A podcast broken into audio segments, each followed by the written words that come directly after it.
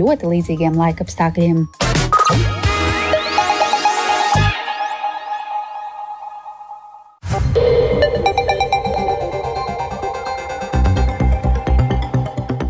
Ir 5 minūtes pār 12. un skanējuma sāk ziņu raidījums pusdiena, plašāk skaidrojot šodienas 25. augusta būtiskos notikumus. Studijā Ārta Skuja, esiet sveicināti! Premjeramata kandidāte Evika Siliņa no jaunās vienotības šodien sākusi pārunas ar potenciālajiem koalīcijas partneriem par nākamās valdības izveidi. Pēc pirmās sarunas apvienotā saraksta pārstāvi atkārtoti norāda uz vēlmi strādāt kopā ar jauno vienotību un Nacionālo apvienību, bet runājot par Zaļo un Zemnieku savienības gaidāmo iesaisti valdībā, norāda uz riskiem saistībā ar ASV sankcijām pakļautā Aivara Lemberga ietekmi uz valdības darbu. Apvienotais saraksts arī vēlas atjaunot diskusiju par vēlēšanu sistēmas maiņu, pusi saimnes deputātu ļaujot ievēlēt no vienmandātu apgabaliem un līdz ar to vēlētājiem dot iespēju viņus arī atsaukt. Šo pieeju atbalstītu arī Zaļo un Zemnieku savienība. Bet vairāk pastāstīs Jānis Kīncis, ar kuru esam sazinājušies. Labdien! Sveicināti! Jā, šorīt kopīgajā sarunā valdības namā apvienotā saraksta pārstāvji prioritāšu lokā uzsvēruši ekonomiskās atpalīdzības mazināšanu no, Latvijas, no Lietuvas un Igaunijas, ārējās un iekšējās drošības pasākumu palielināšanu, tajā skaitā robežas infrastruktūras izbūvi.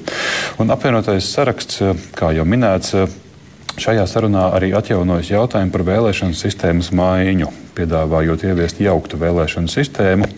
Tā nozīmētu, ka saimnes vēlēšanās vienlaikus partiju sarakstiem no vienmandāta apgabaliem varētu balsot arī par konkrētām personām.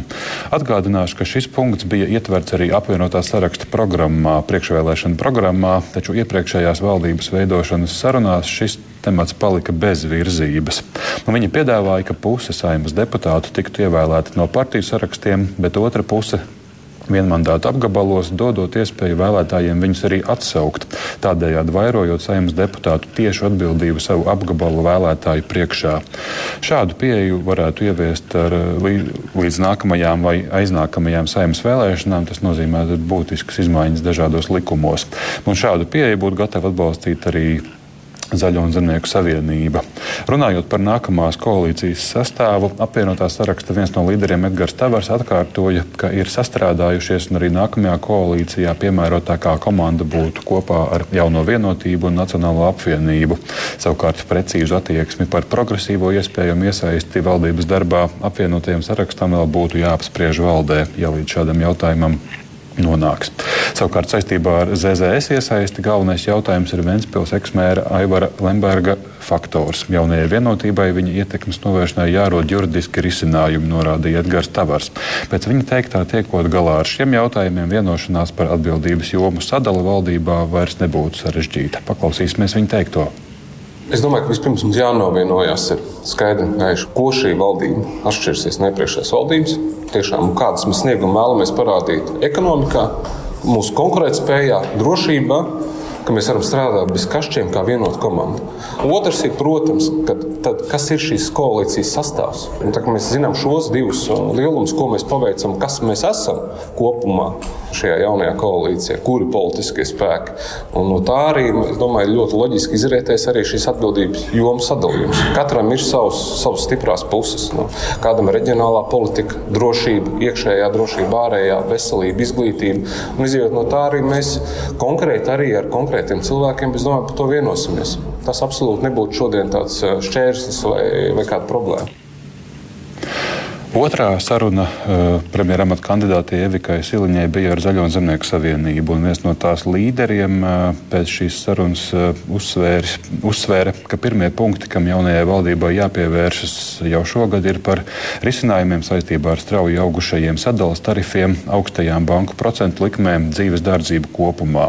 Konkrētus priekšlikumus politiķi gan vēl šobrīd nemin, taču veicamo darbu saraksts tapšot jau pavisam drīz, jo partiju pārstāvi šajā vasarā tiešām tiešām jau daudz stundu ir pavadījuši kopīgās sarunās. Un, Koalīcijas sastāvs savukārt ir primāri valdības vadītāja atbildība. Tā uzsvēra ZZS pārstāvis Viktors Valaidis. Savukārt apvienotā saraksta pieminēto jautājumu par Lemberga ietekmes iekļaušanu Valainis komentēja šādi. Es domāju, tas jautājums būs aktuāls un no mūsu politiskiem kolēģiem to aktualizēs tik ilgi, kamēr izveidosies šīs politiskās aprises, un tā savā ziņā ir cīņa par vienu vai otru koalīcijas modeli. Tā ir arī sastāvdaļa no tās kampaņas, kas šobrīd tiek veikta pret uh, izvirzīto premjeras amata kandidāti. Ja mēs vienojamies par to, ka politikā un politiskajos procesos valdībā un saimā piedalās tikai saimā ievēlēti deputāti un valdības locekļi. Un, manuprāt, šie jaunie politikas standarti, kas savā ziņā jau darbojās, viņi būtu arī jānostiprina rakstiski koalīcijas līgumā. Un, par to mēs arī, protams, runājam mūsu kolēģiem no jaunās vienotības. Tur mums ir kopīga izpratne par to, ka šādi punkti būtu jāiekļauj. Šajā pēcpusdienā koalīcijas veidošanas sarunas turpināsies ar Nacionālo apvienību un pēcpusdienā vēlāk arī ar progresīvajiem. Un, tad pēc tam arī varētu būt zinām jau kāda skaidrība par to, kā šis process turpināsies nākamajā nedēļā. Kā premjeramata kandidāte Evika Silīna norādīja jau vakar, ka tad jau būtu sarunām jāsākas plašākos, plašākā lokā un tad jau, jau par ļoti konkrētiem veicamajiem nākamās valdības uzdevumiem. Arta. Jā, tik tālu paldies Jānim Kīncim. Tātad sarunas jau pēc brīža turpināsies par nākamās valdības izveidošanas iespējām, un par to noteikti interesēsimies arī mēs plašāk stāstot raidījumā pēcpusdienu. Bet viens no jautājumiem, kas arī topošajai valdībai būs jārisina, līdzīgi kā visām iepriekšējām, ir veselības aprūpas finansējums, un zinām, ka valsts prezidents Edgars Rinkēvičs šodien apmeklēja Paula Stradiņa Kliniskās universitātes slimnīcu un tikās ar slimnīcas valdi un personālu. Šai slimnīcā šobrīd īsteno vairāk nekā 20 infrastruktūras attīstības projektus, lai modernizētu slimnīcas ēku platību un uzbūvētu divas jaunas ēkas. Runājot par jaunajām būvnieku sola slimnīcas jaunās A ēkas otrās kārtas būvdarbus pabeigt līdz nākamā gada ceturtajam ceturksnim. Bet vai tas izdosies, to šorīt programmā Labrīt Daira Zīle vaicāja Paula Stradiņa Kliniskās universitātes slimnīcas valdes priekšsēdētājam Rinaldam Muciņam. Nu, mēs šobrīd uh, pieliekam visas pūles, lai tas izdotos. Nu, diemžēl šis jau varētu būt otrais termiņa pārcēlums, jo ēkai pēc 20. gadā noslēgtā līguma vajadzēja būt nodotai mūsu rīcībā šī gada maijai, bet diemžēl karš Ukrainā, Covid krīze celtniecības darbus iekavēja. Arī pagājušajā gadā mēs vienojāmies par sadārdzinājumu sekšanu, un šie darbi faktiski bija apstājušies. Pēc eh, jaunā līguma noslēgšanas šī gada sākumā eh, celtniecības eh, temps uz brīdi pieauga, bet šobrīd mēs atkal redzam viņa samazināšanos. Lai gan ir realizēta aptuveni trešdaļa no līguma kopīgās uh, summas, uh, nu, tomēr mūsu, protams, šī celtniecības darbu tempa samazināšanās satrauc un kopā ar būvnieku mēs intensīvi strādājam, lai tomēr šis temps pieaugtu, jo mūsu pacienti, mūsu personāls gaida jauno slimnīcas sēku. Tā ir ļoti, ļoti mums nepieciešama. Vai pie vainas tam, ka sabremzējušies būvdarbi, ir tas, nu, ka trūkst finansējuma, lai varētu laikus norēķināties, vai kas tur ir par problēmu? Pagājušā gadā, protams, bija finansējuma jautājums, jo inflācija apēda tās izmaksas, ko mēs bijām plānojuši 20. gadā. Par to mēs vienojāmies. Šobrīd tas trūkums ir tieši darba intensitātē, tas ir personāls, darba spēka pieejamība, līgumi ar apakšu uzņēmējiem. Bet eh, šobrīd ar būvnieku mēs to risinām. Būvnieks apliecinājis, ka viņš ir aptuveni 80% no apakšu eh, uzņēmēju līgumiem noslēdzis. Tas nozīmē, ka šo darba spēku tiek plānots piesaistīt un celtniecības tempus intensificēt, lai vēlākais līdz nākamā gada 3. ceturkšņa beigām šo ēku mums nodotu. Lūk, tā programmā Labrīt, Dāra Zīle izvaicāja Paustradiņa Kliniskās universitātes slimnīcas valdes priekšsēdētāju Rinaldu Muciņu, bet nu no pašmāju problēmām un aktualitātēm pievēršamies Ukrainas jaunumiem. Krievijas okupētā Krīma šonakt ir pieredzējusi masveidīgu dronu uzbrukumu, bet vakar Ukraina paziņoja, ka tās karavīriem speciālās operācijas laikā ir izdevies izsēsties pussalā. Šie notikumi apliecina Kīivas apņemšanos atgūt Krimu, ko Krievija okupēja un anektēja 2014. gadā taču skaidrs arī, ka šis mērķis būs atkarīgs no tā, cik sekmīgas būs Ukrainas aizstāvi pretuzbrukuma operācijas valsts dienvidu austrumos. Vairāk par notiekošo Ukrainā šobrīd gatavs pastāstīt kolēģis Uldis Čēsbērs, kurš mums pieslēdzies attālināti. Sveiks, Uldi, un kas ir zināms par šonakt notikušajiem dronu uzbrukumiem Krimai? Labdien! Krievijas aizsardzības ministrija paziņoja, ka pretgaisa aizsardzības sistēmas ir neutralizējušas visus 42 dronus, kas tika raidīti Krīmas virzienā. Sevastopoles okupācijas varas iestādes ir paziņojušas, ka šai pilsētai ir mēģinājuši uzbrukt vairāki droni, taču neviens no tiem nav sasniedzis mērķus. Un arī Krīmas iedzīvotāji pagājušajā naktī sociālajos tīklos diezgan aktīvi ziņoja par spēcīgiem sprādzieniem daudz vietā salā. Un izmantoto dronu skaita ziņā šis bija lielākais uzbrukums eh, Krimai kopš pilna apmēra kara sākuma. Un eh, visticamāk, ka šo uzbrukumu sarīkoja Ukraina, taču Kīva to tieši neatzīst. Un Ukrainas bruņoto spēku pavēlniecības dienvidi pārstāve Natālija Humeņuka šorīt televīzijas tiešraidē uz jautājumu, no kurienes dronus izšāva, atbildēja ironiski, un varam paklausīties šo viņas atbildi. Звідки взялись в Криму з неба точно? No kurienes Krimā parādījās bezpilota lidaparāti? Noteikti no debesīm, un tas bija debesu sots. Це була кара небесна.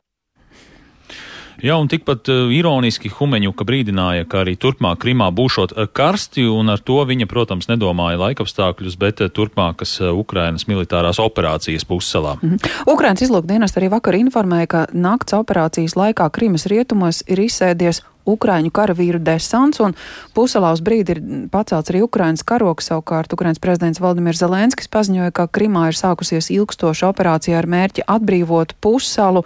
Šādas ziņas, kā šo Krimā notiekošo un ap to saistīto vērtē militāri eksperti?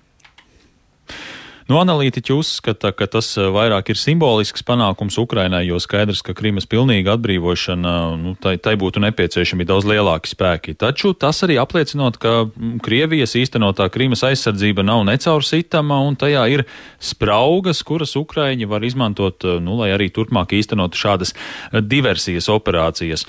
Britu militārais analītiķis Šons Bels uzskata, ka notikušais var padarīt Krieviju tādu nervozu, tramīgu un piespiest Maskavu gatavu pastiprināt Krīmas aizsardzību, un tad paklausāmies eh, plašāk viņa teikto. Ja Krievija izvēlas pastiprināt Krimas aizsardzību, tad kur viņi ņems tam nepieciešamos spēkus? Viņiem tos nāksies pārsviest no citām okupētajām teritorijām Ukrainā, bet tas rada iespēju Ukrainai. Ja Krīma izskatīsies kaut mazliet neaizsargāta, tad tas būs dziļš trieciens Krievijas prezidentam Vladimiram Putinam. Jā, un Ukraiņu militārais eksperts Valērijas Rjabīks uzskata, ka nu, turpmākas Ukrainas militārās operācijas Krimā var samazināt Krievijas eh, karaspēka pretestību frontē Hersonas un eh, Zaporīžas apgabalos, kur tieši pašlaik arī noritās, eh, var teikt, galvenās cīņas. Un arī Ukrainas amatpersonas ir apņēmības pilnas panākt Krimas atbrīvošanu, un Nacionālās drošības un aizsardzības padomis vadītājs Oleksijas Danilovs pirms dažām dienām publiski atkārtoja, ka Krima ir Kri Ukrainas sastāvdaļa, tāpēc Kīva darīs visu, lai atgūtu kontroli pār pussalu un arī paklausāmies viņa teikto. Mēs to atbrīvosim. Visticamāk, tas notiks militārā ceļā, ja vien agresoru valsts līdz tam laikam nesapratīs, ka tai ir jāpamet mūsu teritorija. Mums nav citas iespējas. Jebkurš cits scenārijs attiecībā uz Krimu nozīmētu situācijas iekonservēšanu un kara nodošanu mūsu pēcnācējiem, bērniem un mazbērniem. Našam ģitam, našam anukam. Jā, un Danīlaus arī piebilda, ka Krīma ir jāatbrīvo, jo pretējā gadījumā Krievija nenomierināsies un Ukrainas valsts pastāvēšana būs apdraudēta arī Iespējams, arī pēc tam, kad uh, karš jau būs noslēdzies. Paldies! Tik tālu Ulda Čēsbērs sniegtā informācija un turpinot uh, raudzīsimies arī uz Krieviju. Pat labam nav simtprocentu ticamības, ka bēdīgi slavenā algotņu grupējuma Wagner vadītājs Evgeņijs Prigožins lidmašīnas avārijā Krievijā ir gājis bojā. Tā intervijā Latvijas radio šorīt atzina vēsturnieks Nacionālās aizsardzības akadēmijas pētnieks Valdis Kuzmins. Taču ticama versija esot, ka pēc šā gada jūnijā notika notikušā neveiksmīgā bruņotā dumpja tā organizatoram bija jāpazūd no publiskās telpas, vai nu dzīvam, vai arī mirušam. Vēsturnieks arī prognozēja, ka Vagnerieši savu darbību varētu turpināt Āfrikā, jo no Baltkrievijas viņš šobrīd aiziet, un Krievijā nekādus atbildes soļus viņi neveiks. Nē, nekāds atbildes gājiens vairāk nav iespējams. Atbildes gājiens viņu, viņiem bija viena iespēja Šī iespēja bija divi mēneši atpakaļ. Sākās militārais apvērsums, kas ne ar ko nebeidzās. Viens no iemesliem, kādēļ militārais apvērsums sākās, bija tas, ka Krievijas aizsardzības ministrija piedāvāja slēgt kontraktus tieši ar Krievijas aizsardzības ministriju, ko gan Prigožins negribēja, gan Dmitrijs Utkins negribēja darīt. Daļa pārgāja Krievijas aizsardzības ministrijā. Šo divu mēnešu laikā ir nemitīgi notikusi kustība. Tas bija galvenais iemesls, kādēļ viņi pārvietojās uz Baltkrieviju. Tur tika veikta pārgrupēšana, pārapmācība, jaunu vienību komplektēšana. Jaunais viņa darbības virziens būtu Āfrika, savā ziņā parādīja arī Prigožina uzstāšanās īsi pirms savas pazušanas, sauksim to tā. Vakar tika publicēti satelīta uzņēmumi no lielākās bāzes, kur jau pāris nedēļas pirms Vāgnera publiskā paziņojuma, ka viņš atrodas Āfrikā, bija redzams, ka teltis tiek novāktas. Tas bija liela nometne, tur bija vairāk, ja nemaldos, 50, varbūt pat līdz 100 lielām teltīm smukās rindiņās sabūvēts, ka šīs teltis tiek montētas nost un cilvēki no turienes dodas prom. Spekulācijas no tā bija, ka visticamāk tā ir Āfrika, kur pats arī Prigožins bija un no kurienes viņš ieradās Krievijā un tad pēc tam no Maskavas devās virzienā uz Sanktpēterburgu un tad pazuda. Un ar to saistās arī dažādas spekulācijas, ko viņi tur darīja, ko viņi tur nedarīja. Pie Latvijas robežas Latvijas robežai no visām šīm kustībām nebija nekāda ietekme, izņemot nedaudz Baltijas valstu mēdīju telpā un arī Latvijas, kur nesaukt to par paniku, bet tādu nevajadzīgi pastiprināt uzmanību uz šo bija vērsts, jo nekādi draudi no tā nevies. Vēl jau vairāk. Nu, arī Lukašenko piepalīdzēja ar visādiem paziņojumiem. Lukašenko ar paziņojumiem vakar viņš, piemēram, apsveica Ukrainu neatkarības dienā ļoti, ļoti plašu paziņojumu kur atkal kā to saprast, ko tur darīt. Nu, labi, ka viņš nerādīja, ja varbūt žēl, ka viņš nerādīja kartes, no kurienes būtu uzbrukums Baltkrievijai un tā tālāk, kā viņš to darīja pirms pusotra gada. Kā viņa paziņojumi vairs nav ņemami par pilnu nekādā veidā un formā. Un Vāgnerā šīs privātās kompānijas paliekas, uz kurien viņi dosies, Liela ticamība, ka liela daļa no viņiem ir profesionāli karotāji, šādi algotņi, šī vārda tādā klasiskā, varbūt pat varētu teikt, jauno laiku, 17. gadsimta izpratnē. Paši viņi sev dēvē par pirātu, kā džentlmeņu kompāniju. Viņi atradīs vietu, kur turpināt savu asiņaino, lai tik tas cīniski neizklausītos, biznesu. Diemžēl arī Ukraiņas teritorijā. Bet, kas attiecas uz mums un uz mūsu robežu, mums situācija kā mainās? Būs vieglāk ar Baltkrievijas robežu vai joprojām tā? Mūsu robežas sāsinājums turpinās. Man nav tādas tieši informācijas no robežas, bet tas, ko es redzu masu mēdījos un uh, publiskos paziņojumos, ka spiediens uz robežas, Baltkrievijas, Latvijas robežas ar uh, mākslīgi radītu migrantu, kuri no Āfrikas uz šejienu ierod no daudzām dažādām valstīm. Un, kā es saprotu, pēdējā laikā valstu lokus ir paplašinājies. Tad spiediens saglabājās diezgan augsts ar iespējamību, ka viņš var drīzumā palielināties, paliek augsts, kaut kur viņiem jādodas. Tātad modrību nedrīkst zaudēt. Jā, bet tas nav tieši saistīts ar Vāgnera kompānijas došanos mm. uz Baltkrieviju vai došanās no Baltkrievijas vai Vāgnera kompānijas vadības grupas pazušanu. Tas ir cits process, un viņi tikai saistīti varbūt tas, ka tas notiek Baltkrievijā. Latvijas Nacionālās aizsardzības akadēmijas pētnieku vēsturnieku Valdi Kuzminu šorīt raidījumā Labrīt iztaujāja Daira Zīle. Tikām Rīgas rācnam sēž zālē pirms neilga brīža noslēdzās ceremonija, kurā sanākušos uzrunāja diplomāti, Amerikas Savienoto Valstu vēstnieks Latvijā Kristofers Robinsons un Ukrainas vēstnieks Anatālijas Kucevals, bet viesu rindās bija redzams plašs to cilvēku lokus, ko kopš Krievijas sāktā kara Ukrainā esam iepazinuši kā pašaizliecīgus palīgus Ukraiņu bēgļiem. Klātesot arī Rīgas domas vadībai, visus informēja par ASV mazo grantu programmas piešķīrumu Ukraiņu bēgļu atbalsta organizācijām. Naudas izteiksmē tā izteiksme ir liela, nepilni 2 miljoni Amerikas Savienoto Valstu dolāru. Ceremonijā klāt bija arī Ieva Puķa, kas nulē ir ieradusies arī pie mums studijā. Tādēļ Ievai varam lūgt izstāstīt, kas uh, saņems šo finansējumu un kāds ir iecers, kas ar naudu tiks darīts. Jā, labdien, Arta, labdien, klausītāji! Uh, vispirms aicinu paklausīties Amerikas Savienoto Valstu vēstnieka Latvijā Kristofera Robinsona oficiālo paziņojumu par šo grantu. Labrīt, good morning, Mir Kirsis, Vice Mayor Ozolem, Labrīt, mērķirsi, vicemēra Ozola, vēstniekungs, godājumie viesi.